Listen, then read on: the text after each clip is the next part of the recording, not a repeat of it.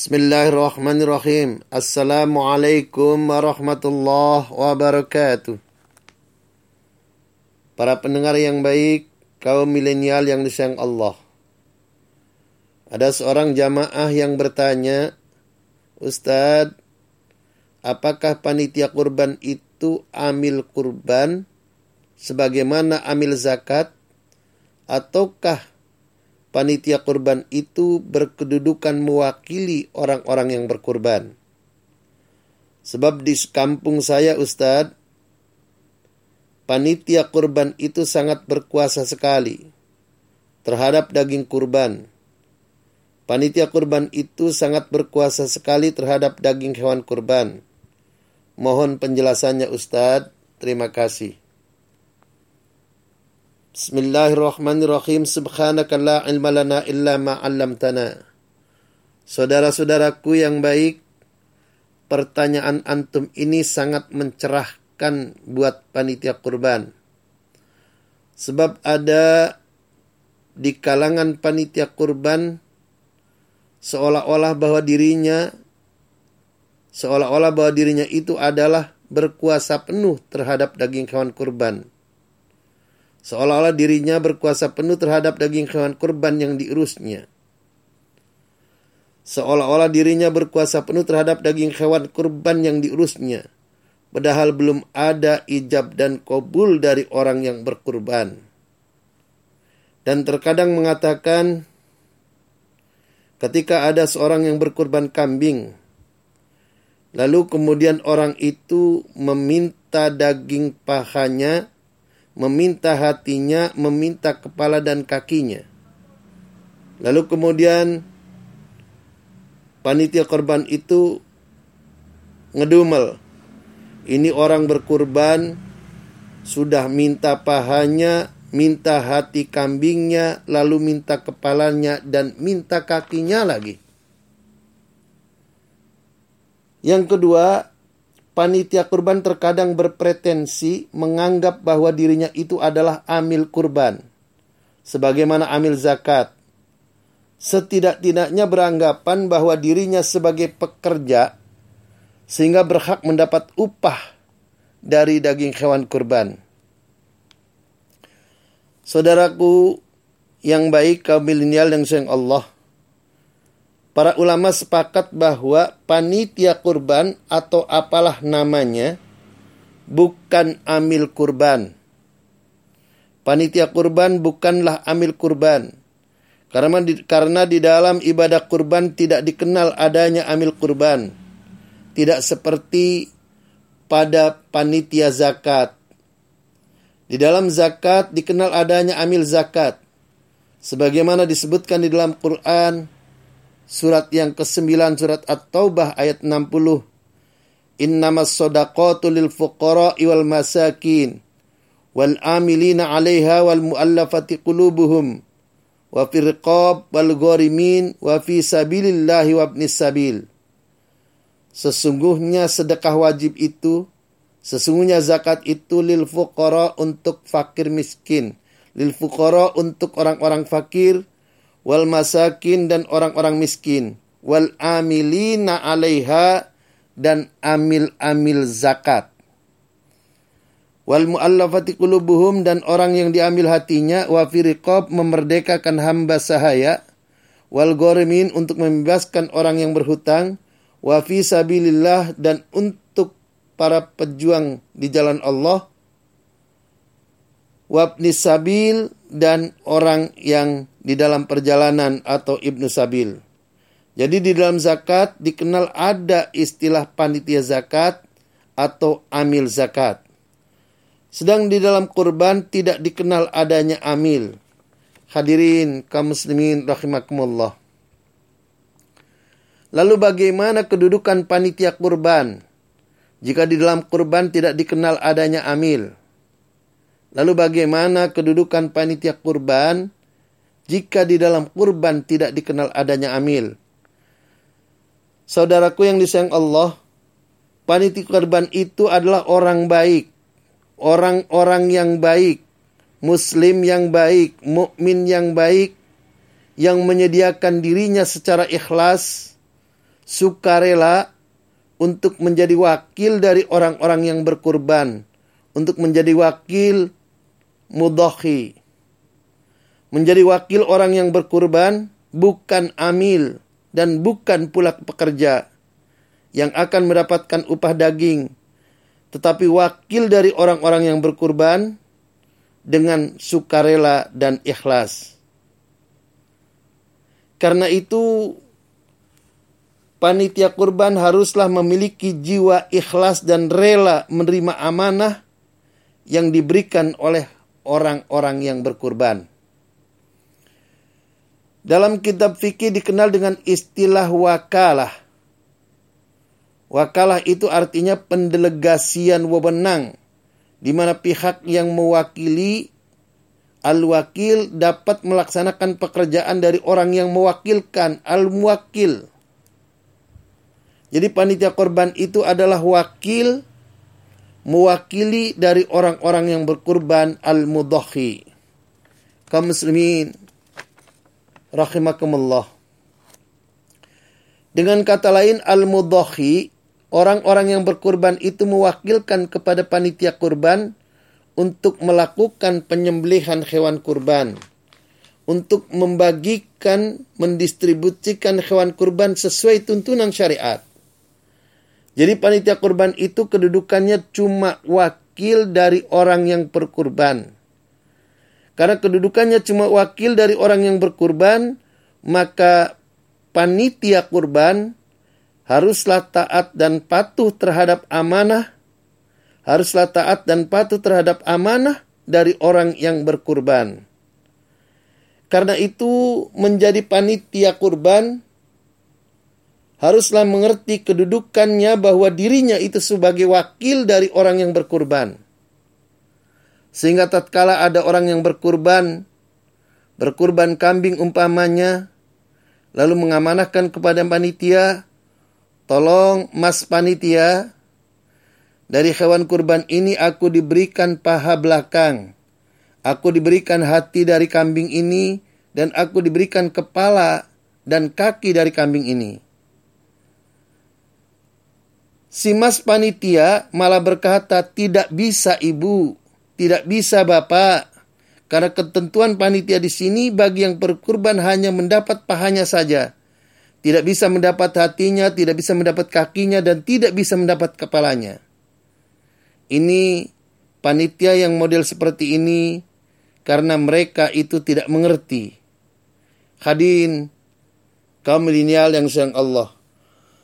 Oleh karena itu terhadap panitia kurban, ustadz atau kiai di masjid atau musola yang menyelenggarakan penerimaan dan penyalur hewan kurban haruslah diberikan bimbingan, haruslah diberikan kajian mengenai kedudukan dan fungsi panitia kurban agar tidak keliru dalam menjalankan amanah dari orang-orang yang berkurban. Jadi kedudukan panitia kurban itu wakil, wakil dari orang yang berkurban. Dalam kitab fikih dikenal al-wakalatu fil lughah. Perwakilan secara bahasa itu at-tafwidu. Memasrahkan, mewakilkan, mendelegasikan.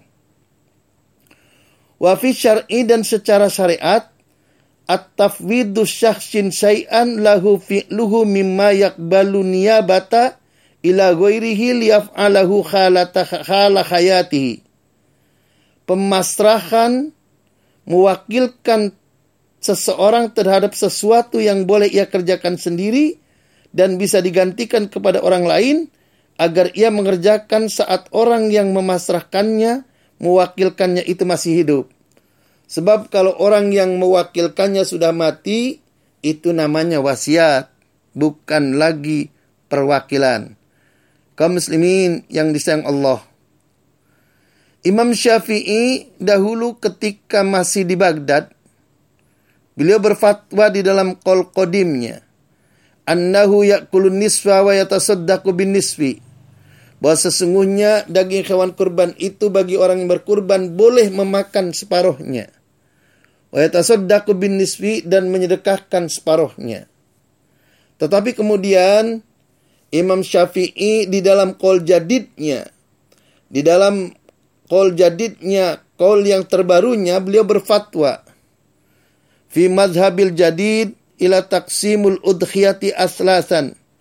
Bahwa daging hewan kurban itu dibagi menjadi tiga bagian. Thuluthan li sahibil udhiyati wa ahli baitihi. Sepertiga untuk orang yang berkurban dan ahli baitnya Wa thuluthan yahdiyahu liman sya'a min aqoribahu wa ashabahu. Sepertiganya dihadiahkan. Liman sya'a min aqoribahu kepada orang yang dikendakinya, karib kerabatnya, dan sahabat-sahabatnya. Wa thuluthan dan sepertiganya lagi yatasaddaqu bihi alal fuqara iwal masakin disedekahkan kepada fakir dan miskin. Hadirin kaum muslimin rahimakumullah. Dalilnya adalah fakulu minha wa atimul ba'isal fakir Quran surat Al-Hajj ayat 28. Begitu juga Imam Hanafi dan Imam Hambali. Di dalam kol jadidnya juga beliau menegaskan bahwa daging hewan kurban itu sepertiga untuk orang yang berkurban dan keluarganya, sepertiga disedekahkan untuk fakir dan miskin, dan sepertiga dihadiahkan untuk karib kerabat, handai tolan, tetangga, dan lingkungan. Namun, mazhab Hambali dahulu di dalam kol kodimnya juga beliau sama seperti Imam Syafi'i. Ila taksimul udhiyati ila nisfaini. Daging hewan kurban itu terbagi menjadi dua bagian. Nisfun lil mudhahi, separuh untuk orang yang berkorban, Wanis pun yatasaddaqu bihi alal fuqara dan yang separuhnya disedekahkan untuk orang-orang fakir. Kaum milenial yang disayang Allah. Berbeda halnya dengan mazhab Maliki. Mazhab Maliki sejak awal anna tauzi al-udhiyata la hadda fih. Bahwa sesungguhnya pembagian dengan korban itu tidak menentukan pembagiannya falahu baginya bagi orang yang berkurban an yakula ma syaa wa yuwazzi'u ma syaa. An yakula ma syaa wa yuwazzi'u ma syaa. Boleh memakan sesukanya dan boleh membagi menyedekahkan sesukanya. Fala thabitatun fi tauzi'il khudiyah. Imam Maliki tidak menetapkan pembagian hewan kurbannya pembagian daging hewan kurbannya akan tetapi yang penting pokoknya orang fakir, orang miskin dikasih. Adapun dalil Imam Maliki adalah dari hadis Tauban, Maula Rasulullah sallallahu alaihi wasallam pembantu Nabi. Zabah Rasulullah sallallahu alaihi wasallam dhahiyatahu telah menyembelih hewan kurban siapa Rasul sallallahu alaihi wasallam hewan kurbannya. Thumma maka kemudian bersabda kepada Thauban. Ya Thauban, aslihlah mahadi. Hei Thauban, bersihkan daging hewan kurban ini, rapikan daging hewan kurban ini. Falam azal utimhu, lalu kemudian Thauban falam azal utimuhu minha hatta qodamal Madinah. Sehingga aku memakannya sejak dari Mekah sampai ke kota Madinah. Rawahul Muslim fi Sahih Muslim hadis nomor 1975. Hadirin kaum muslimin rahimakumullah. Di dalam hadis yang sama cuma ada redaksi an abihi Thoban berkata, Qala li Rasulullah sallallahu alaihi wasallam telah bersabda siapa Rasul kepadaku fi hajjatil wada ketika haji wada asli hadzal lahma rapikan daging hewan kurban ini. Kola maka kemudian Thoban aslah tuhu maka aku merapikan daging hewan ini. Daging hewan kurban ini.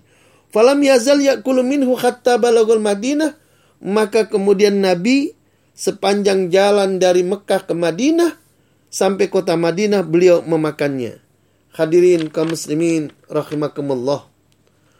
Oleh karena itu sebaiknya panitia kurban mengumpulkan seluruh atau sebagian dari orang-orang yang berkurban lalu meminta amanahnya. Apakah mau meminta dagingnya tiga setengah kilo atau empat kilo? Meminta tulangnya satu kilo?